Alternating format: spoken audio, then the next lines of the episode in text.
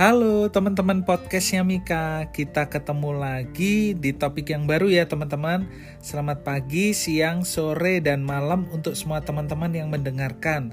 Yang mungkin saat ini masih sibuk bekerja, sibuk beraktivitas Atau mungkin lagi santai dan lagi mendengarkan podcastnya Mika. Semoga bermanfaat dan bisa menginspirasi teman-teman Untuk mencapai cita-cita yang teman-teman dambakan. Itu ya teman-teman ya Nah, topik kita hari ini ya, kita akan ngobrolin sesuatu yang seru dengan topik cara agar nggak insecure dengan kesuksesan orang lain.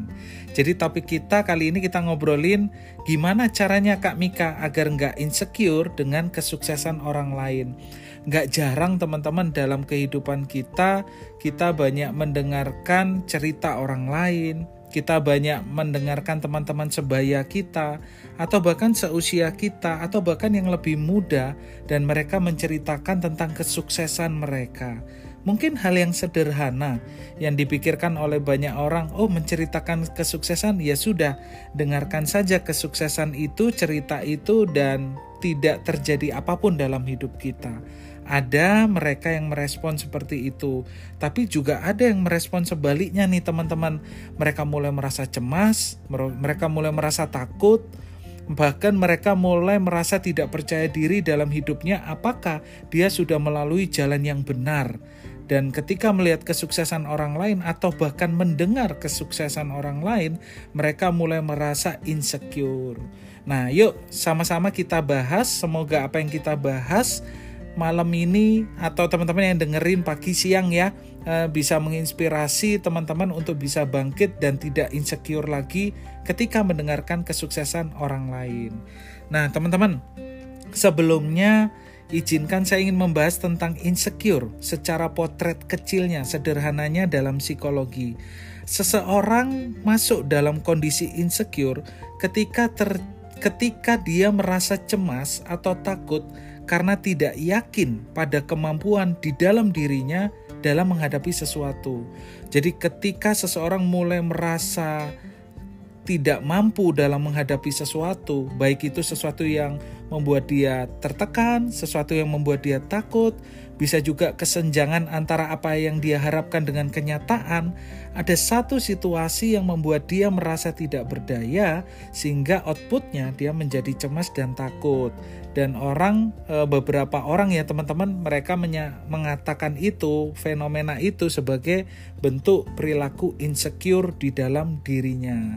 Nah, teman-teman, insecure itu normal terjadi ketika teman-teman mengetahui bahwa itu sesuatu yang gak nyaman di dalam hati teman-teman, gak nyaman di dalam pikiran teman-teman. Tapi menjadi tidak normal ketika insecure itu mulai mengganggu perilaku hidup teman-teman.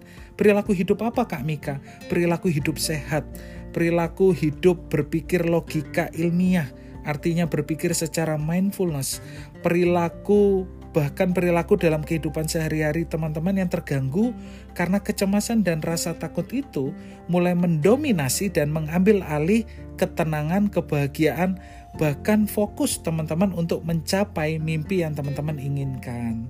Nah, sekarang kita sudah dapat nih gambar kotak besarnya insecure ya, teman-teman.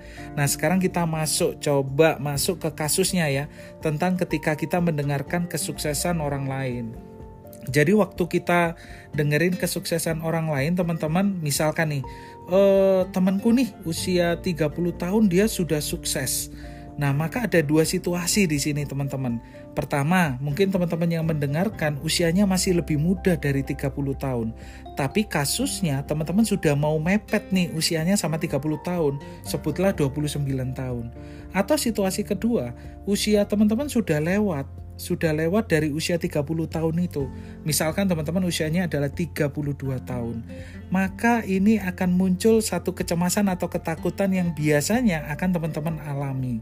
Kalau usia 29 tahun dia akan berpikir nih teman-teman, aduh itu 30 tahun udah sukses, aku 20, 29 tahun ngerjain apa aja nih kayaknya 29 tahun belum apa-apa bahkan masih jauh dari usia 30 tahun temanku si X itu atau sebaliknya, ketika teman-teman di usia 32 tahun melihat yang 30 tahun sukses, teman-teman langsung minder, langsung tidak percaya diri, bahkan mulai menyakiti diri sendiri dengan menjustifikasi atau menjudgment diri kita sendiri bahwa ah aku nggak mampu, aku nggak skillful, aku bukan orang yang berharga, aku kok nggak bisa sukses kayak dia padahal dia lebih muda dari aku.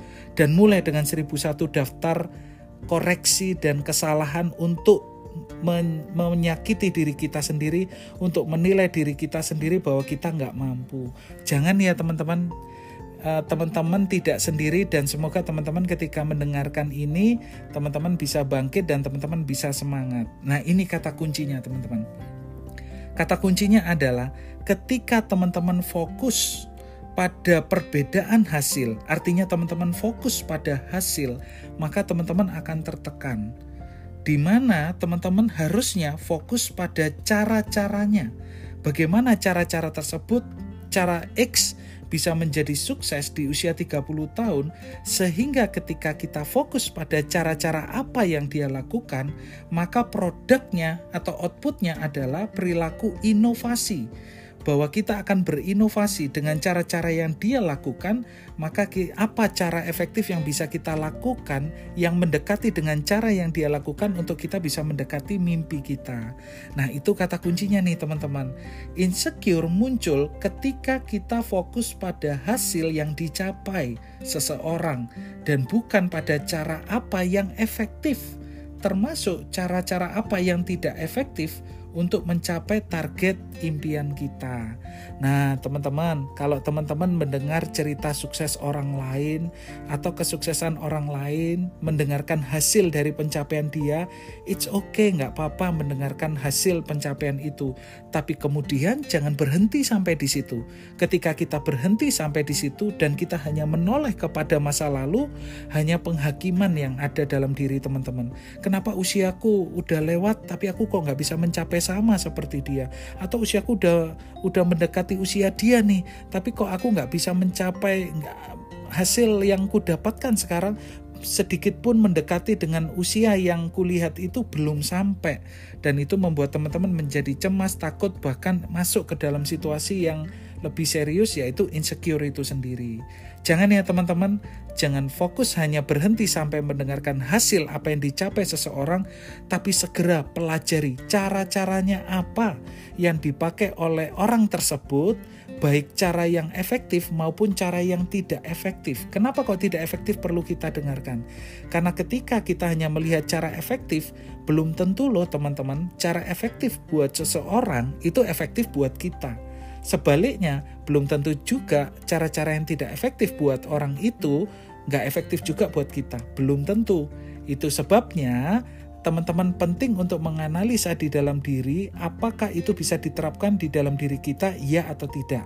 Nah, dari situlah kita mulai menentukan langkah-langkah tindakan yang pasti untuk kita menentukan langkah apa yang mau kita terapkan supaya kita bisa menjadi sukses itu sendiri.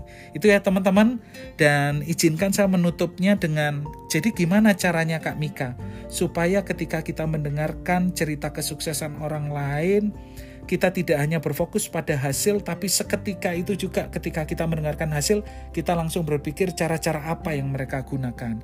Nah, teman-teman boleh catat ya, ada empat poin, empat poin yang teman-teman bisa lakukan. Nomor satu, nomor satu adalah fokus pada cara-cara yang dia lakukan dan bukan hanya hasilnya. Ini teman-teman harus garis bawahi dulu. Ketika teman-teman hanya mendengarkan hasil, hasil, hasil, hasil, dan hasil, kemudian teman-teman hanya melihat masa lalu dan membandingkan situasinya saat ini dengan kondisi teman-teman, teman-teman hanya akan patah hati. Teman-teman hanya akan patah semangat. Teman-teman hanya akan terjatuh. Teman-teman hanya akan kecewa. Karena teman-teman hanya melihat outputnya saja tapi bukan cara apa yang dia lakukan yang efektif atau tidak efektif yang bisa saya terapkan dalam hidup saya. Itu teman-teman ya nomor satu. Langkah nomor dua. Nomor duanya adalah pelajari langkah-langkahnya secara mendetail jadi jangan teman-teman misalkan hanya mendengarkan cerita sukses di YouTube atau di podcast atau di mana pun teman-teman bisa mendengarkan atau membaca. Kemudian teman-teman melihat cara-cara yang dia sharing atau bagikan mungkin hanya sepotong sedikit lalu teman-teman coba terapkan. Jangan berhenti sampai di situ teman-teman. Tapi mulai pelajari lebih dalam. Jika dia menulis sebuah buku, pelajari bukunya. Dia jika dia mem membuka sebuah seminar atau workshop yang bisa diikuti, ikuti. Kita daftar workshop itu dan kita mendengarkan. Bahkan ketika ada Q&A, kita juga bertanya kepada beliau secara langsung untuk kita bisa melihat apakah persepsi yang kita pikirkan ketika kita mendengar atau membaca output dan kita membaca cara-cara yang dia gunakan sama dengan yang didetailkan oleh beliaunya sendiri. Jadi teman-teman jangan berhenti untuk mencari detailingnya. Karena dengan mengetahui secara detail, teman-teman akan mudah untuk memvisualisasikan apa yang akan dilakukan dalam hidup teman-teman. Yang ketiga teman-teman, langkah ketiga adalah analisa di dalam diri hal apa saja dari cara tersebut yang sesuai. Nah, ini tolong digaris bawahi ya teman-teman ya, dicatat bahwa tidak semua cara-cara yang dilakukan oleh beliau atau orang yang sukses itu sesuai dan secara 100% kita bisa lakukan dalam hidup kita. Tidak. Karena teman-teman bisa stres sendiri. Kenapa stres? Karena teman-teman bisa dalam situasi, kondisi, dan bahkan dimensi yang berbeda ketika dengan orang tersebut bertumbuh. Misalkan nih, orang tersebut bertumbuh dengan dukungan yang begitu kuat. Semua orang mendukung di sekitar dia. Tapi teman-teman tidak hidup dalam lingkungan yang seperti itu. Misalkan, eh, seorang yang sukses itu, dia memiliki modal katakan 1M teman-teman sedangkan teman-teman hanya memiliki modal 100 juta atau bahkan 50 juta.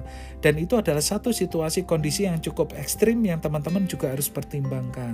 Bisa juga uh, orang sukses ini didukung oleh orang-orang yang sangat mendukung di sekitarnya. Artinya dia punya koneksi dia sudah mempersiapkan semua perlengkapannya semua strukturnya. Sedangkan teman-teman adalah seseorang yang mulai dari nol maka teman-teman harus memetakan bagaimana saya memiliki potensi untuk saya bisa memiliki apa yang dia miliki. Nah, ini kata kuncinya. Teman-teman harus menyesuaikan dengan kemampuan diri teman-teman. Karena kalau enggak, teman-teman jadi stres. Jadi, poin ketiga, teman-teman, ini powerful sekali. Analisa di dalam diri kita. Analisa di dalam diri kita ini bicara tujuan hidup kita apa Ketika kita mendengarkan orang sukses, apakah sama tujuan hidup kita dengan orang sukses itu? Jika tidak, maka ambil cara-cara efektifnya, lalu terapkan ke dalam tujuan hidup kita supaya itu bisa dilakukan dalam langkah-langkah praktis ketika kita ingin mencapai mimpi kita. Itu ya teman-teman ya, langkah ketiga. Jadi hal apa saja dari cara tersebut yang sesuai. Yang nggak sesuai Kak Mika, ya sudah ikhlaskan, lepaskan, tidak perlu diperdebatkan. Kenapa tidak perlu diperdebatkan? Karena waktu teman-teman berharga. Fokus saja pada tujuan hidup teman-teman dan cara-cara apa yang sesuai dan itu bisa align dengan situasi kondisi teman-teman. Catat itu, analisa dan cek apakah itu memang kita miliki peluang dan resourcesnya. Kalau kita punya, lakukan. Itu ya teman-teman ya. Dan yang empat terakhir, langkah keempat. Langkah keempatnya adalah ambil komitmen baru dan lakukan secara konsisten.